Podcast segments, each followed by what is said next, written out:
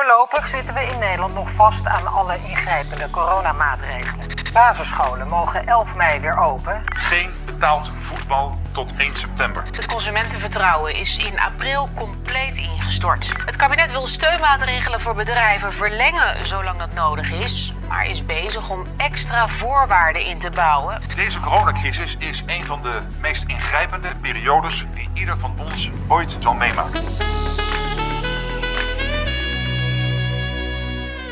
Welkom vandaag bij mijn podcast Ondernemen in tijden van corona. Het is donderdag 23 april. Ik had gisteren een ongelooflijk uh, leuk gesprek met Won Jip. We zeiden tegen elkaar, we zijn ontzettend optimistisch, we zijn positief. Als je een maand bijvoorbeeld min 100% draait en dat is de maand daarna min 90%, dat is een groei van 10%. Er is alleen maar reden voor optimisme. Ja, dat is ironie en dat is sarcastisch. Ja, ik heb echt met stijgende verbazing lopen kijken naar de persconferentie van, van Rutte. Dat moet altijd even, even inzakken en daarna komt de analyse. Uh, hij corrigeerde zich tijdens het uh, debat in de Tweede Kamer dat hij uh, te weinig had gezegd over de economie. Economie is trouwens, voor wie het nog niet weet, een vies woord. Um, dat, dat, dat, is, dat deugt eigenlijk niet als je actief bent in de economie vandaag de dag. Dat is wel een beetje het gevoel wat, wat er begint te ontstaan. Maar Rutte heeft, ja, die heeft gewoon letterlijk um, het briefje van Van Dissel voorgelezen en heeft daar zijn conclusies uitgetrokken. En hij heeft geen ballen getoond. Ik heb gisteren ook wat, wat appjes gestuurd naar juristen. Zijn er juridische consequenties uh, uh, gebonden aan uh, zeg maar het nemen van risico's? Is dat een probleem voor bewindslieden, voor ministers, voor de minister-president? Is dat de reden van de voorzichtigheid? Is het de angst om door het, zeg maar, voor eeuwig door het leven te gaan als degene die de gezondheid uh, op het spel zetten? Wat is de reden van al die voorzichtigheid, terwijl je wel vraagt om 50 protocollen te laten maken en daar helemaal niks mee doet? Al die ondernemersorganisaties die hebben zich werkelijk waar ja, even, even naar de tering gewerkt om in te gaan op het verzoek van de anderhalve, anderhalve meter economie. Wat krijgen ze terug? Helemaal niks. En als je dan het verschil ziet, bijvoorbeeld tussen luchtvaartmaatschappij, Emirates is helemaal klaar. Een mooie designlijn, uh, duidelijke protocollen. Wij zijn klaar om te gaan vliegen uh, op basis van social distancing, smart distancing.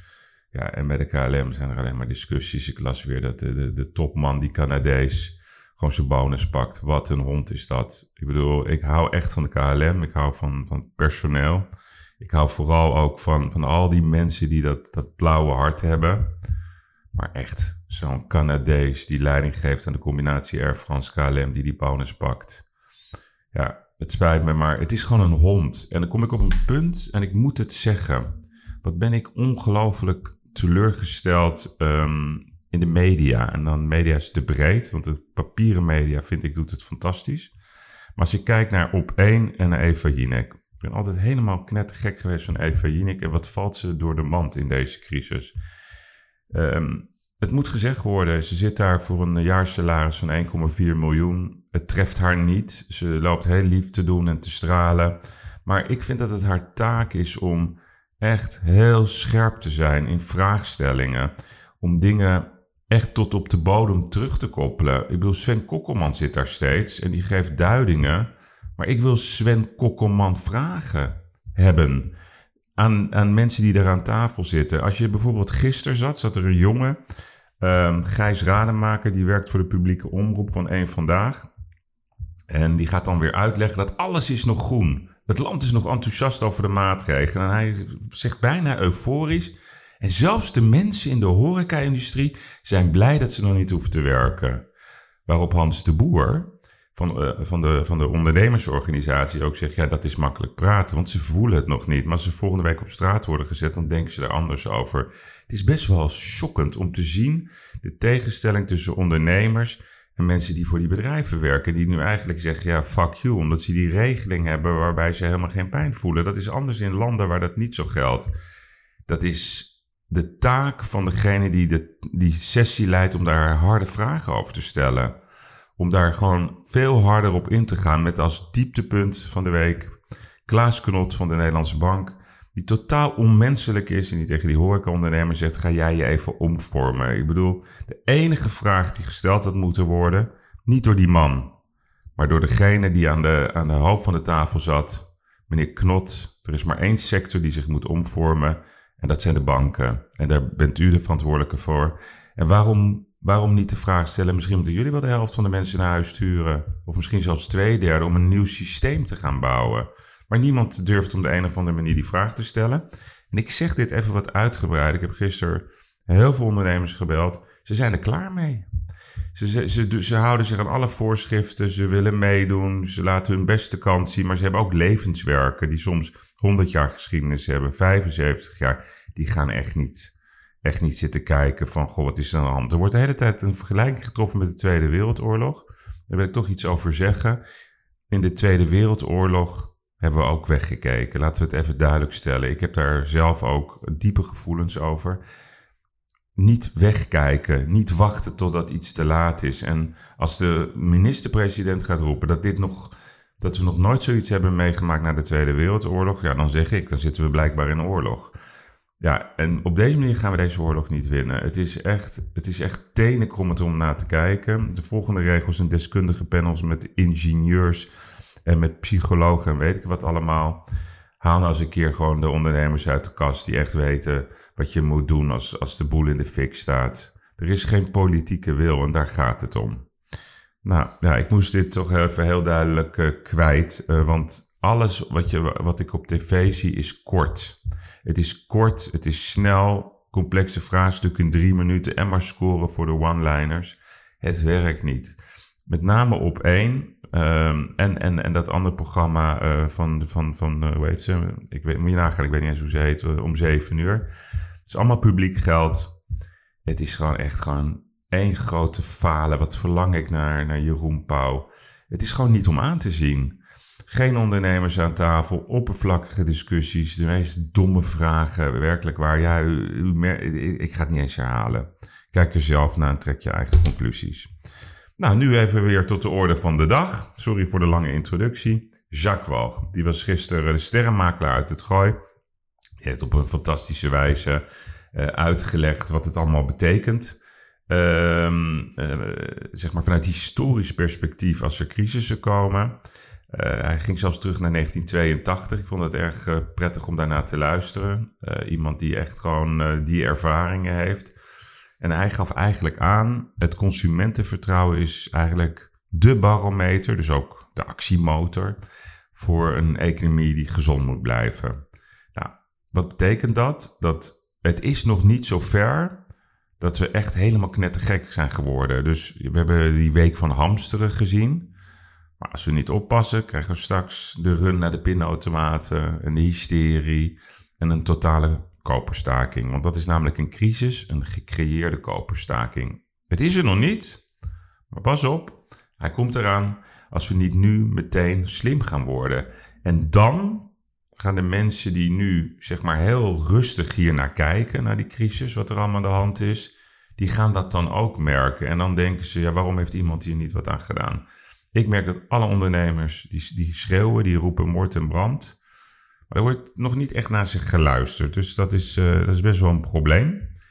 Um, en ondernemers, weet ik, die zijn altijd ontzettend betrokken bij goede doelen. En niet schreeuwig. Op de achtergrond, gala's, donaties. Ik heb zelf ook in mijn leven geprobeerd alles te doen wat kan. Dat hoeven we echt niet aan de grote klok te hangen. Dat is wat je doet als je een bedrijf hebt en ook iets terug kan geven aan de maatschappij. En niet zoals die multinationals de, dat, dat doen. Dat, dat noem ik dan ethic washing. Laten zien, kijk eens hoe politiek correct wij zijn. Nee, gewoon in stilte uh, dingen organiseren. Je beste kant laten zien. Maar dat kan wel eens een probleem worden. Dus ik wil graag weten um, hoe, hoe dat gaat in Goede Doelenland. En daarvoor ga ik bellen met uh, Marieke Schaik.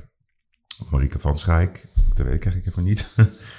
zij is de directrice van uh, het Rode Kruis. Volgens mij ook de eerste vrouwelijke directeur uh, ever. Ze heeft ook bij goede doelen gewerkt, zoals de Nationale Postcode Loterij. Zij doen echt uh, fantastische dingen. Maar ik ben ook heel nieuwsgierig hoe zij bijvoorbeeld de anderhalve meter economie ziet. Dus ik ga haar bellen. Um... Hallo, met Marieke van Schijk. Ja, hi Marieke. Goedemorgen. Ja, hi. Goedemorgen. Ja, ik belde je twee minuutjes te laat, hè? Ja, uh, geef niet. Um, ja, ik heb net een, een, uitvoerige introductie gegeven over dat, uh, dat ondernemers altijd heel vrijgevig zijn. Uh, veel doen ook in stilte. Gala's uh, mede organiseren en donaties daarvoor doen. Maar het zou wel eens kunnen zijn dat zeg maar die tijd en ook die energie kan gaan keren. Um, ja. Dus de vraag eigenlijk, de eerste vraag die ik je zou willen stellen. Hoe zie jij de anderhalve meter economie in, um, in, in jouw wereld? Uh, nou, in mijn wereld er zijn eigenlijk uh, voor mij twee werelden. Het Rode Kruis en de hulpoperaties. En de wereld van de mensen die, uh, die wij willen helpen. Mm. Um, ja, kijk, de, de operaties zoals we die nu doen, die doen we zoveel mogelijk volgens de richtlijnen. En wat daarbij een heel groot issue is, is natuurlijk wat we allemaal zien, dat we niet bij, dichtbij die kwetsbare mensen kunnen komen. Uh, dus dat is soms echt heel erg moeilijk en heel erg schrijnend. Omdat eigenlijk de ergste problemen kun je dan moeilijk oplossen. Dus, maar goed, voor de rest zijn wij natuurlijk ook gewoon een organisatie en een bedrijf dat daarmee moet dealen, net zoals alle andere organisaties. Mm. Dus wij, binnen die mogelijkheden doen we wat we kunnen. Maar als we het hebben over de, over de gevolgen van de anderhalve meter samenleving voor, voor kwetsbare mensen met name, dan, dan zie ik daar een enorm gevolg uh, voor het Rode Kruis. Uh, want want wij, wij ondersteunen nu heel veel in de zorg, maar we zijn er ook speciaal voor kwetsbare mensen. En we zien wereldwijd in Nederland, op de, op de eilanden, in de Cariben, uh, zien we mensen die, die kwetsbaar eigenlijk al zijn en die dat nog meer worden. Mensen met chronische ziekten, maar ook mensen die uh, ja, toch een onzeker bestaan hebben uh, met, met kleine baantjes die nu niet doorgaan of baantjes, banen waarmee ze extra kwetsbaar zijn voor het virus. En we zien nu gewoon echt bepaalde noden opkomen die we die we eerder uh, veel minder zagen in Nederland. Uh, je kan je ook bijvoorbeeld voorstellen ZZP'ers die, die toch al uh, moeilijk rondkwamen. Ja, hoe gaan die straks hun rekening betalen? Hebben die straks ook voedselhulp nodig bijvoorbeeld? Hoe staat het met de psychosociale staat van mensen? En dat zijn wel echt... Ja, wij zijn heel hard ook aan het nadenken. Wij, wij zijn natuurlijk nu erg bezig met welke hulp verlenen we nu? Maar wat betekent dit nou voor, ook voor het Rode Kruis in de komende tijd? Ja, uh, want even, mag ik even ja. onderbreken? Want als je kijkt naar dat Rode Tuurlijk. Kruis, hè, um, mm -hmm. je hebt het Rode Kruis in Nederland en je hebt het Rode Ja. Kruis in het buitenland. Dus ik, ik wil even beginnen over Ja. het Rode Kruis in Nederland. En wat ik, ik, ik zat, zat jullie site te bekijken en ja, je kan jullie echt voor alles en nog wat bellen. Dus, dus bij wijze van spreken, als je op een festival met je voet in het glas stapt, tot op het moment dat je bij wijze van spreken op een bananenschil uitglijdt, tot allerlei, werkelijk waar elke noodvraag die ik maar kan bedenken, die zag ik er terug. Dat vond ik wel, ja, eigenlijk wel heel apart. Dus ik neem aan dat je dat met een app doet of zo, en met vrijwilligers eromheen. Wat kan jij mij nou uitleggen, dat, dat, dat, dat ik dat begrijp, hè? Wat is de reden waarom je aan de ene kant het Rode Kruis steunt en waarom aan de andere kant waarom je denkt, ik ga nu het Rode Kruis bellen, want ik heb een probleem? Uh, ja, nou, het Rode Kruis is een noodhulporganisatie. Dat is ons belangrijkste doel. Hè. Dat staat ook eigenlijk uh, dat staat in de wet vera verankerd, in een koninklijk besluit. Dat wij aanvullend werken Hmm. op de overheid in noodhulpsituaties. Uh, dus dat is eigenlijk ons belangrijkste doel. We zijn altijd onafhankelijk en neutraal. Maar als er een crisis is, een noodsituatie, dan zijn wij oproepbaar. En en wij doen dat. Uh, wij hebben bijvoorbeeld in heel Nederland ook uh, voor deze crisis hebben we noodhulpteams. Uh, dat zie je ook bijvoorbeeld bij die brand die er nu net was in Limburg. Ja. De ontruiming van Herkenbos. Dan zijn onze noodhulpteams, onze bevolkingszorgteams, die zorgen dat die locatie wordt ingericht, dat er materialen zijn, dat dat wordt ingericht en mensen worden opgevangen. Dus wij zijn er echt voor die noodsituaties. Nou ja, die zijn er natuurlijk niet altijd. Dus wij willen ook onze vrijwilligers goed getraind houden. En daarom hebben we onder andere RBO, we hebben, uh, we hebben evenementenhulp en een aantal activiteiten. Hè, om gewoon je, ook je, je, vaardigheden op peil te houden. Mhm. Eh, maar wij kunnen dus, dat is onze kracht, heel snel opschalen in tijden van nood. Ja, ja. Ehm, en ehm, het is eigenlijk niet zozeer zo dat als het zeg maar niet een noodsituatie is, dat je ons voor alles en nog wat kan bellen. Dan hebben we echt ook wel een, eh, een, af, een beperking. Hè. We zijn er voor de meest kwetsbaren. eh, maar we zijn er niet voor dingen waar je mee naar de dokter kan gaan, bij wijze van spreken. En nu in deze situatie zijn wij echt, echt extra handjes. En hebben wij getrainde vrijwilligers. Wij kunnen mensen inzetten. Wij hebben materialen. Dus je ziet ook dat onze, onze ondersteuning op dit moment gewoon heel breed is. ja Vooral veel in de zorg. ja. Ja, precies. Maar bijvoorbeeld, kijk, de politiek, hè. Ehm, ik neem aan Ja. dat jij een directe link hebt. Met, met wie communiceer jij dan? Wie, wie belt jou vanuit de politiek? Van, goh, Marieke, kan je ons even helpen? Hoe gaat dat? Eh, nou, dat gaat, eh, dat kan eh, via hogerhand gaan, maar dat gebeurt niet in zo'n in zo'n crisis. In zo'n crisis sluiten wij gewoon aan bij de bestaande crisisstructuren die er zijn in Nederland. En wie zijn dat dan? Nou, er is een actiecentrum, dat heet het ROC, geloof ik. Hmm. Eh, en daar zijn mensen van ons bij aangesloten. Wij zijn aangesloten, want niet alles gaat centraal hè, via de, de landelijke overheid. Heel veel gaat via de veiligheidsregio's. Dus Hmm. per district zijn wij aangesloten bij de Dus, de dus gemeentelijke instanties, zeg maar, die, die, die, die Ja. schakelen jullie in. Of regionale instanties, die eigenlijk eh, voor, de, voor de publieke veiligheid zijn. Daar hebben we ook convenanten mee, dat we oproepbaar zijn in geval van nood. Dus Ja. die structuren die liggen er. We hebben contact met de GGD's, met de directeuren publieke gezondheid, dat soort eh, structuren. Ja, ja. En hoe kijk jij dan bijvoorbeeld, hè, ik bedoel, heb jij die brief gelezen van het RIVM, 13 pagina's aan, aan het kabinet? Dus zeg maar wat daar allemaal in staat. Heb je dat, heb je dat gelezen of, of heb je daar de hoofdlijnen uit gehoord? Ja, de, de, die met het advies bedoel je? Ja, het advies. De- ja, het advies ja, zeg maar ja. van Jaap van Dissel, hè, dus dan degene die Ja. dat ondertekent met het OMT-team. Die uitlegt, zeg maar, ja, die uitlegt wat de situatie in Nederland is. En die schrijft dat gewoon op. En die, ja, je weet hoe, hoe deskundigen zijn. Die zijn zo voorzichtig mogelijk natuurlijk. Want die willen Ja. vingers eh, Ja. nergens aan branden. Dat begrijp ik ook, hè. Maar heb je dat Ja. gelezen, dat advies? Ja, dat heb ik gelezen. Ja, en, en wat, wat ik me dan afvraag, hè, en dat is ook de reden waarom ik dat aan jou vraag. Je ziet dat, dat zeg maar sinds de coronacrisis, dat er continu een discussie is over de druk van de IC-capaciteit. Dus wij Ja. zijn als land eh, zeg maar ingericht op ongeveer duizend hè, bedden. ehm, en met de mensen Mhm. uit de zorg die dat allemaal moeten doen. Dat is verhoogd hè, naar, naar 2000. Daarom zijn ook elke keer van die woorden zoals opschalen komen naar boven. En, en eigenlijk is de conclusie als je die brief leest, als wij een IC-capaciteit hebben, zou, zouden hebben met, met goede mensen van 5000, heb je minder druk in de zorg, kunnen ze meer mensen aan en kan je ook weer de andere kant van de samenleving zeg maar, sterker door laten groeien.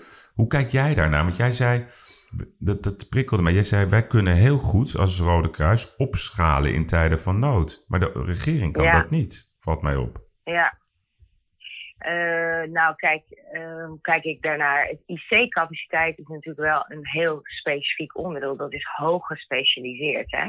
Wij werken met vrijwilligers. En als jij IC-verpleegkundigen nodig hebt... Hè, de apparatuur is één ding, maar de verpleegkundige en de arts is een, Ja. net zo belangrijk. En Tuurlijk. eigenlijk is het nog het lastigst. Eh, dan eh, denk ik van dat wij als Rode Kruis daar een rol in zouden kunnen spelen, maar zeker een ondersteunende rol. Ehm, ik vind het heel belangrijk om hier ook te zeggen dat wij hierin natuurlijk ook onze eigen beelden maken voor de toekomst, maar wij volgen wel de lijn van de overheid. Hmm. Wat we ontzettend belangrijk vinden in crisistijd om ook eh, deze lijn gezamenlijk te blijven volgen. Hè? Dus dat, dat is één. Hmm. Ehm, twee, heb jij het over de IC-capaciteit. Dat is natuurlijk heel erg belangrijk. Maar onder IC-capaciteit, IC-capaciteit is niet alles. Hmm. Er zijn natuurlijk de ernstigste gevallen gaan naar de IC. Maar als je zo'n IC-capaciteit zou hebben, dan betekent dat ook dat er binnen de samenleving enorm veel mensen ziek zullen zijn. Wat ook enorme gevolgen heeft voor de rest van de samenleving. Voor het draaiend houden van je economie. Voor het draaiend houden van je eerste lijnzorg. Mm. Dus ik denk dat het heel belangrijk is dat die discussie gaat over de IC-capaciteit. En zeker, en, en daar uh, wordt ook aan gewerkt van nou, zou je in geval van nood dat nog verder kunnen opschalen? En hoe doe je dat dan? Daar zijn wij ook bij betrokken. Um, maar het is niet het enige. Het, het, gaat natuurlijk over de samenleving als geheel. En de discussie gaat, gaat snel over deze, uh, deze, deze laatste plek waar mensen terechtkomen. Maar er zit nog heel veel daarvoor. Ja, maar, dat, en, uh, maar, daar zit maar ja, maar precies. Ja. Maar, maar, ik heb het idee, maar correct me if I'm wrong. Want ik ben namelijk blij dat je dit zegt het lijkt wel of daar niet meer over gaat. Bijvoorbeeld, we worden nu elke dag, hè, ik heb nooit ben ik gaan kijken naar CBS-cijfers, hoeveel mensen er in Nederland doodgaan. Ja, dat doe je nu maar, dan ga je googlen. En dan zie je, hey, 153.000 mensen per jaar sterven in een normaal jaar. Dan ga je kijken naar de leeftijdsgroepen. Je gaat je daarin verdiepen door waar je mee wordt geconfronteerd, vind ik, via alle mediakanalen. Maar dan vergeten mensen als je kijkt naar hoeveel kankergevallen er in Nederland zijn, hoeveel mensen aan dementie lijden, hoeveel mensen er op straat wonen. Dus die andere zorg, ja, ik heb het idee dat ze mensen denken, dat, dat maakt niet meer uit. Als, je, als iemand zegt, oh, je voelt je niet lekker, die zegt, nee, nee, ik had een hartinfarct. Oh, gelukkig, geen corona. Snap ik bedoel? Ja. Nee, maar, ja. en daarom, ik heb het idee dat er een soort nationale fixatie is van ja, wij gaan met het hele. Dus corona, dat is de atoombom. Het is heel ernstig, maar jij weet, neem ik aan, dat er zoveel andere ziektes en kwalen en ellende is werkelijk waar. Dat wordt helemaal vergeten, joh. En dat gaat straks natuurlijk helemaal uit de hand lopen. Of zie ik dat, dus, ben ik te somber dan? Nou ja, dan, dan, eh, ik weet niet of het helemaal uit de hand gaat lopen in Nederland. Want ik zie, hè, er wordt nu ook wel gesproken over hè, de zorg moet weer opnieuw worden opgestart, de lopende zorg. Want ik ben het helemaal met je eens, want dat vergeten we dan. We kunnen wel met z'n allen heel erg uh, focussen op de IC-capaciteit voor corona. Maar dat betekent dat allerlei andere zorg, bijvoorbeeld vaccinaties, vaccinaties, die worden ook uitgesteld. Moet allemaal worden ingehaald. Alle, inderdaad, de kankerzorg. Alle mensen die nu niet naar de dokter gaan en denken, nou ja, straks krijg ik corona. Het heeft enorme effecten en daarom alleen al is het heel erg belangrijk omdat infectie, uh, die infectiegraad van die uh, corona toch op een bepaald niveau te houden, zodat je ook aandacht kan uh, blijven geven aan andere zaken die belangrijk zijn in de gezondheidszorg.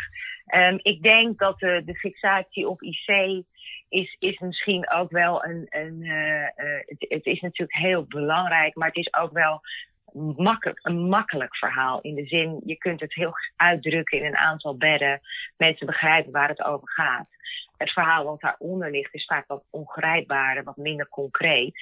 Uh, ja, en, en, en waar je concreet het liefst over praat, is over medicijnen, vaccins en IC-capaciteit. Ja. Maar ik, wij als Rode Kruis zien ook al die bijeffecten van de kwetsbare mensen, mensen met andere problemen, die deze, deze crisis met zich meebrengt. Ook internationaal overigens. Hè? Arme mensen, alle programma's worden allemaal stopgezet. Het gaat allemaal op COVID.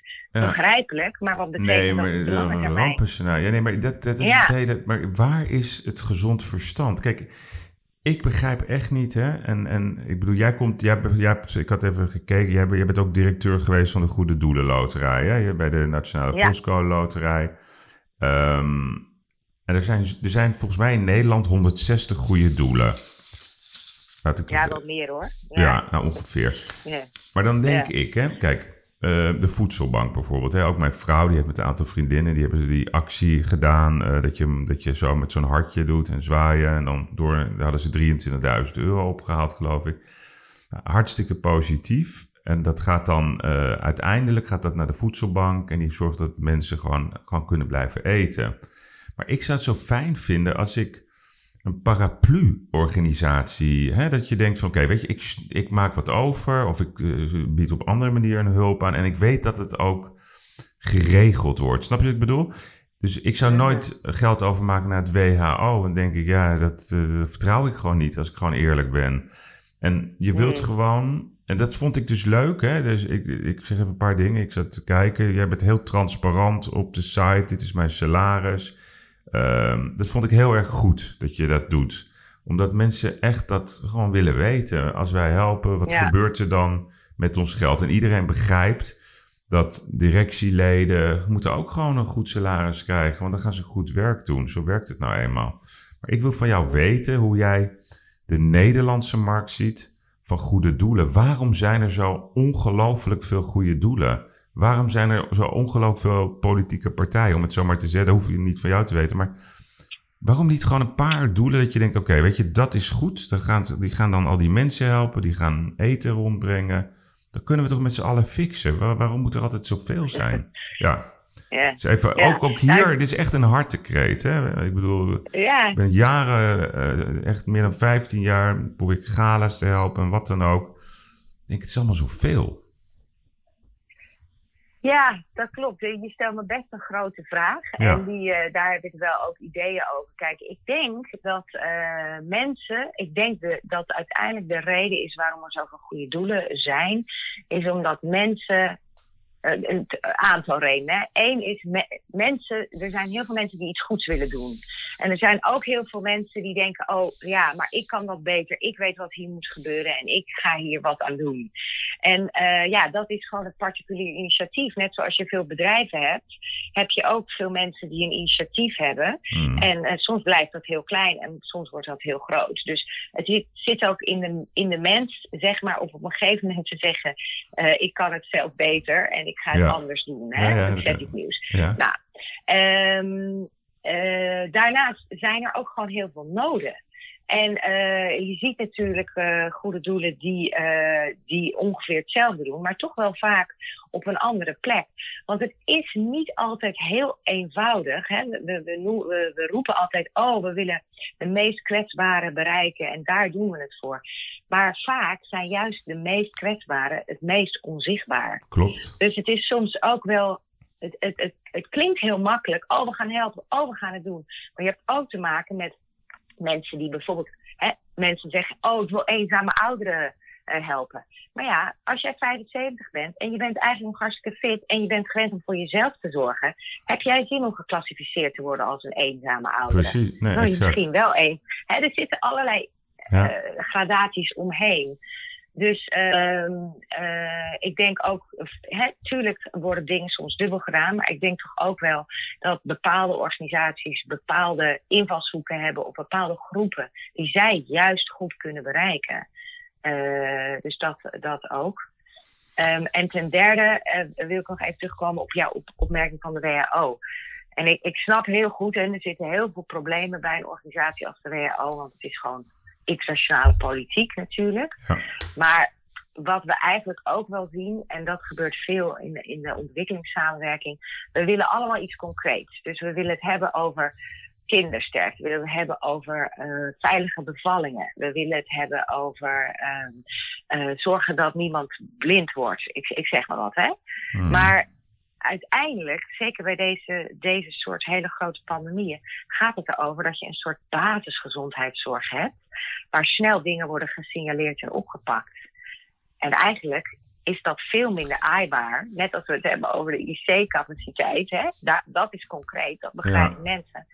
Maar, maar eigenlijk wat soms het minst aaibaar en het minst concreet klinkt, is soms wel het meest belangrijk. Nee, dat klopt. Maar kijk, wat, weet je, het zijn natuurlijk Ja. hele grote vragen en, en grote discussies waar we het over hebben. Dus dat is ook best wel ingewikkeld.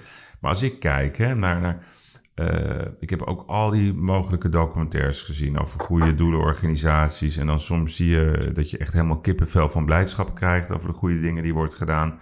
Maar soms ook echt dat ik echt gewoon boos word over hoe er wordt omgegaan met, met geld.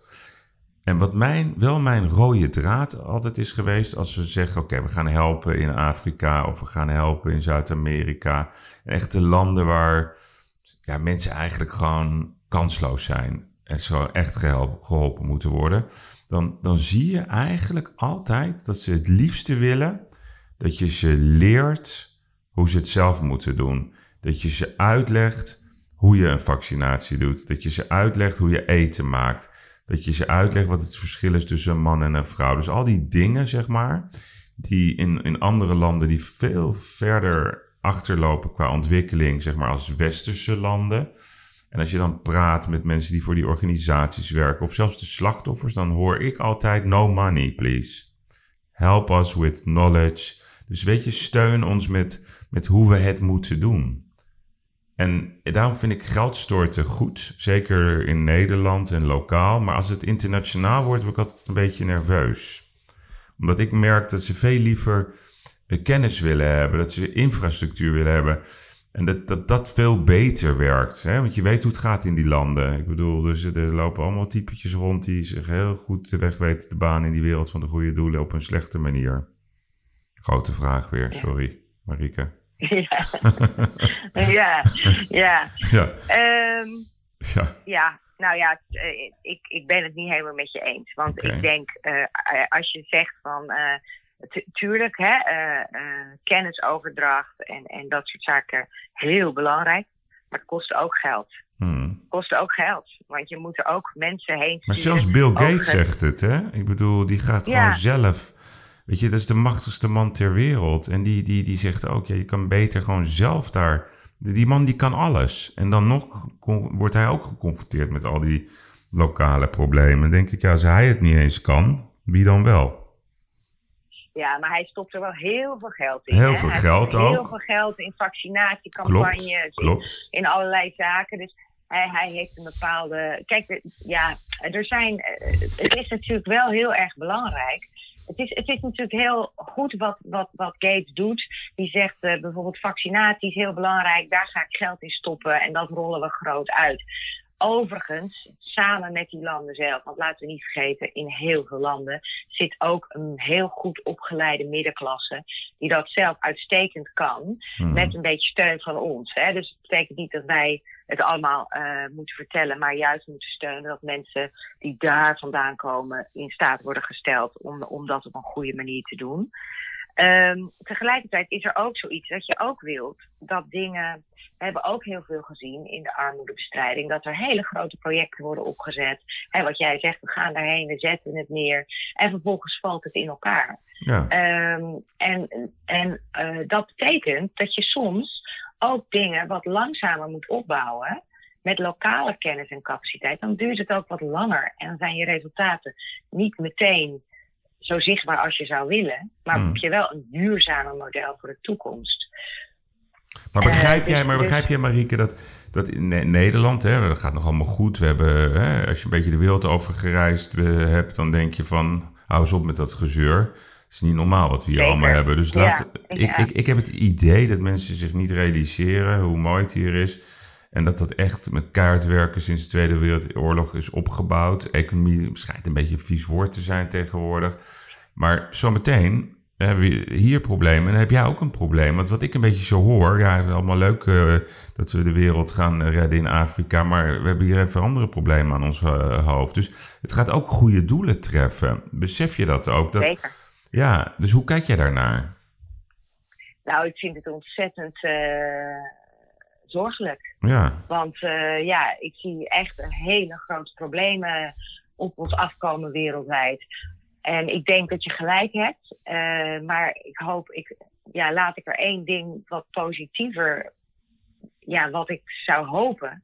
Ik weet niet of het zo is en ik vraag me af of het zo is. Maar dat mensen nu in Nederland zich wel kunnen realiseren dat leven in een onzekere situatie, wat dat betekent ja, dat er veel mensen wereldwijd zijn die altijd zo leven en nog wel erger. En, en ten tweede, dat eh, zo'n pandemie laat ook zien hoe afhankelijk we zijn van elkaar. Hmm. En dat zien we natuurlijk ook al met de migratie en, allerlei, al- en de klimaatverandering. Ja. Dus de, het antwoord is niet ons terugtrekken in ons landje, want daar gaan we niet mee redden. Hmm. We zullen toch ook eh, met, met de hele wereld daarnaar moeten kijken. En wat we gezamenlijk moeten aanpakken. Willen we een pandemie voorkomen? Willen we. Ja, maar eh, begrijp je, zo- ik begrijp wat je zegt, maar weet je, Marike, Ja. eh, maar begrijp je dat dat best wel een moeilijk standpunt is wat je nu inneemt? En waarom is dat zo?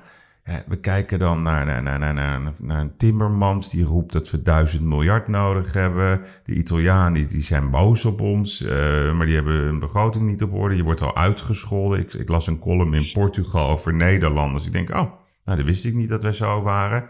Echt, dat we zijn echt slechte mensen. Dus wat, wat je ziet is dat lokale uh, gedachtes, die, die, die vieren nu hoogtij. Hè? Dus mensen vinden het fijn om met elkaar te zijn. En wij creëren ideeën, hè? dus dat we elkaar allemaal gaan helpen. Maar er zitten mensen daar.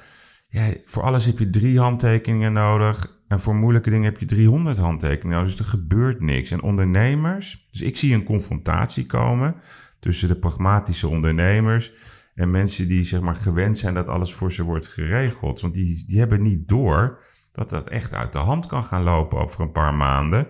Dus ook een probleem voor het Rode Kruis. Dus ook een probleem voor de echte kwetsbaren van de samenleving. Dus ik denk dat, dat, dat ik heb in ieder geval gezien dat ondernemers meteen hebben gaan helpen.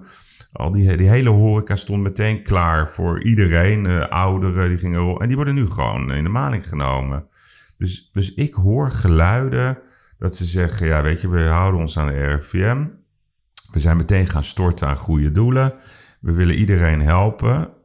Want Hoekstra had gezegd, we gaan jullie helpen. En dat zeggen alle presidenten in andere landen ook. En nu zegt Rutte eigenlijk, zoek het maar uit. En dat zegt hij niet zo letterlijk. Maar zo kwam hij bij mij binnen. En waarom zeg ik dit zo lang tegen jou? Omdat dit ook het Rode Kruis gaat raken. En het gaat ook uh, de Kankerstichting raken. Want op een gegeven moment die ondernemers die denken... ja, weet je, ja, laat me met rust. En daarom heb je ook jij, denk ik, een, een, een lobbytaak uh, om dat duidelijk te maken. Want ik heb het idee dat, dat, dat ja, eh, economie, ja, dat is allemaal niet belangrijk. Maar ze hebben geen idee hoe dat werkt. Ja. ja, dat vind ik moeilijk, uh, om daar. Uh, ja, maar ik ben het wel met je eens. En ik, ik in de zin dat dit ons ook heel erg het Rode Kruis gaat raken. En de mensen waar wij ervoor zijn. En onze taak is natuurlijk om dat uh, dat het lot van de meest kwetsbaren, hè, dat wij dat onder de aandacht blijven brengen. En dat daar rekening mee, dat is onze taak, dat is mijn taak, dat is de taak van het Rode Kruis. Maar het is toch eh, samen, zijn... we hebben toch een, een gezamenlijke taak, want uh, we moeten elkaar toch helpen, omdat waar het om gaat is dat wat jij doet en wat jullie doen, dat vinden we allemaal fantastisch. Dat is geen enkele discussie over, weet je, we, we willen helpen, maar we moeten ook kunnen helpen. Snap je wat ik bedoel? Ja. Dus, dus blijf dat roepen en, en, en maak het simpeler.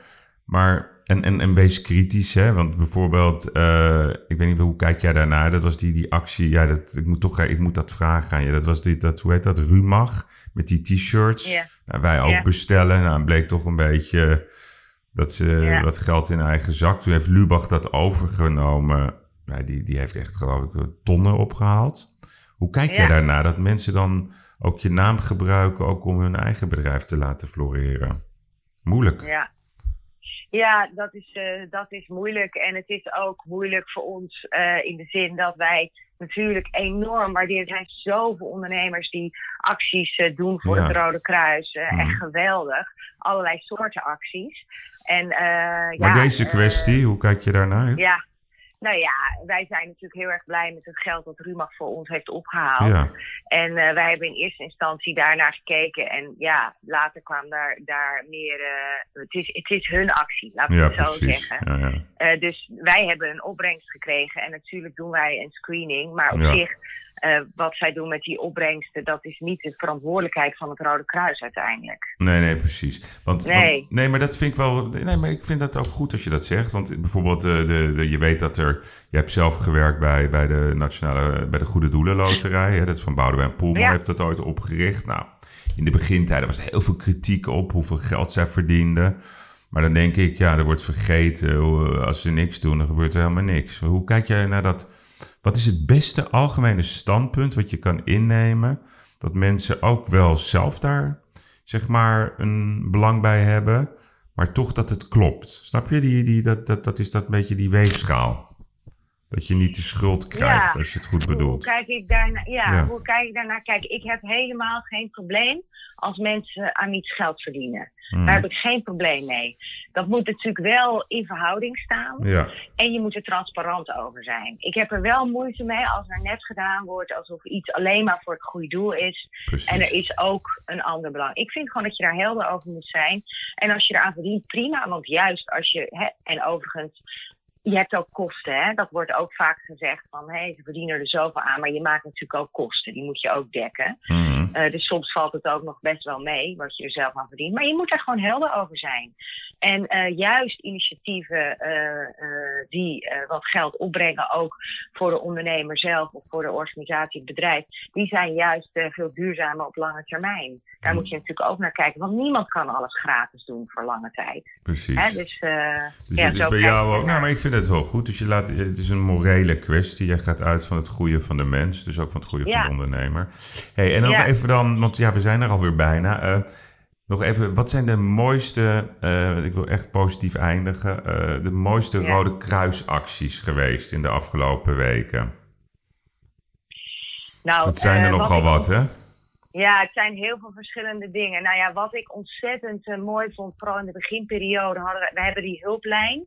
En eh, ik heb zelf ook meegebeld. En ik vond het echt heel mooi om als Rode Kruis er gewoon te zijn voor mensen die, eh, die echt bang waren en zijn. En om ze dan, Ja. ja. je kunt weinig doen, maar toch even hard onder de riem, toch even meedenken. Dat vond ik echt heel erg mooi. En ik, ik kreeg daar ook echt wel tranen van in mijn ogen. Mensen Hmm. ook die huilend aan de telefoon waren, omdat Ja. ze zich zo zorgen maakten. Dat vond ik heel mooi. Ja, en ik vind het ontzettend mooi om te zien als ik dan eh, naar zo'n. eh, eh, ja, ik was bij de voedselbank, ik ben bij hu- huisartsenpost geweest. En dan zie ik onze vrijwilligers. Ja, die zijn dan ingepakt, weet je wel. En die moeten di- dingen doen. Maar hoe ze dan toch met heel veel warmte ook de mensen tegemoet treden. Die, die toch bang zijn en overweldigd. Ja, dan ben ik super trots. Dat vind ik echt geweldig. Ja. Ja. nee, heel goed. En ik zag ook dat Ja. jij ook het goede voorbeeld eh, geeft. Ik zag jou eh, met dozen sjouwen. Waar was het? Ja, Ergens? ja. In het oosten van het dat land? Emmen. Ja, ja, oh ja, in ja, Emmen ja. dat, nee, echt echt goed. Nou, heel mooi. En, en hoe, hoe kunnen mensen nou een call to action doen? Dus als ze denken van, hé, hey, ik vind het toch echt eh, fantastisch wat het Rode Kruis doet. Hoe werkt nou, dat? Graag wat geld overmaken. Dus dat is kan echt... via rodekruis.nl. Ja, ja, ja, precies. Dat is gewoon via Ja. jullie website. En daar Ja, kunnen dat zou, hun- daar kunnen we gewoon heel veel mee doen. Want we hebben nog heel veel te doen Ja, de oké, komende maanden en misschien wel jaren. heel goed, Marike. Ja. Mag ik je danken? Wil je nog ergens op terugkomen? Of zeg je van, het is Nee, prima hoor. zo? Nee, heel goed. ja, dankjewel. Oké, hele fijne dag en succes. Jij ook. Bedankt. Bye bye.